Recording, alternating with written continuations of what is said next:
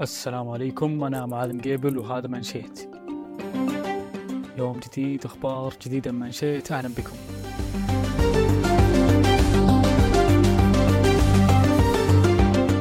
حلقة اليوم راح نتحدث عن تشييد وجهة ترفيهية جديدة في منطقة عسير بقيمة استثمارية تجاوزت 31 مليار ريال. نستعرض تفاصيل المشروع والمشاريع المستقبلية اللي تم الإعلان عنها. تحت رعاية الأمير تركي بن طلال بن عبد العزيز آل سعود رئيس مجلس إدارة هيئة تطوير عسير أقيم حفل إعلان الوجهة الترفيهية الخامسة لشركة مشاريع الترفيه السعودية 7 حيث أعلنت الشركة المملوكة لصندوق الاستثمارات العامة عن بدء الأعمال الإنشائية لوجهتها الترفيهية في تبوك وتحديدا في منطقة عسير من مشروع نيوم. الوجهة الترفيهية الجديدة بتضم عدة مناطق المنطقة الترفيهية العائلية وهالمنطقة تمتد على مساحة 4000 متر مربع ومنطقة عسير ومنطقة ترفيهية مماثلة بتكون مخصصة للأطفال بالإضافة إلى مركز المغامرات الداخلي ل Discovery Adventures واللي راح يقدم تجربة فريدة راح تدمج ما بين الترفيه والتعليم ويضم المشروع حلبة سباق السيارات الكهربائية كارتينج المقدمة من Hot Wheels تابعة لشركة Mattel بالإضافة إلى ملعب جولف داخلي مكون من 12 حفرة راح يشمل أحدث التقنيات وصالة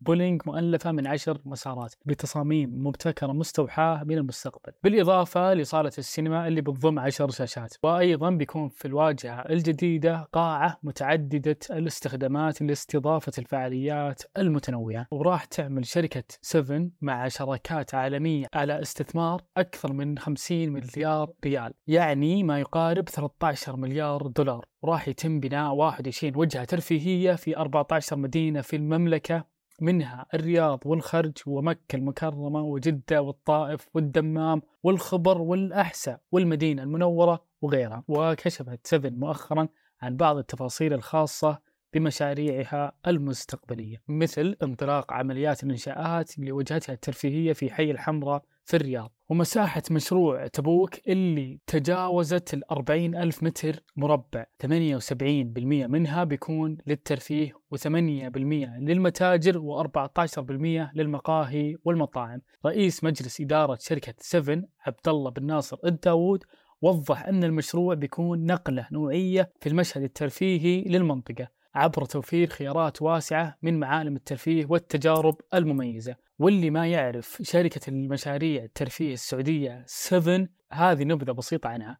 هي شركة تأسست وتابعة لصندوق الاستثمارات العامة وبتكون إن شاء الله الذراع الاستثمار والتطوير المتخصص بقطاع الترفيه في المملكة.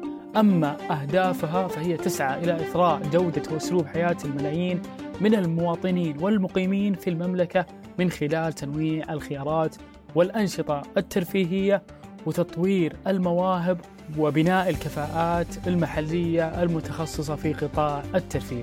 وتعمل الشركة على بناء شراكات متينة مع أهم الأسماء العالمية وأشهر العلامات التجارية بهدف إنشاء بنية تحتية مستمرة لقطاع ترفيه عالمي المستوى في المملكة. وإلى هنا وصلنا لختام منشيت موعدنا. معكم غدا في أمان الله.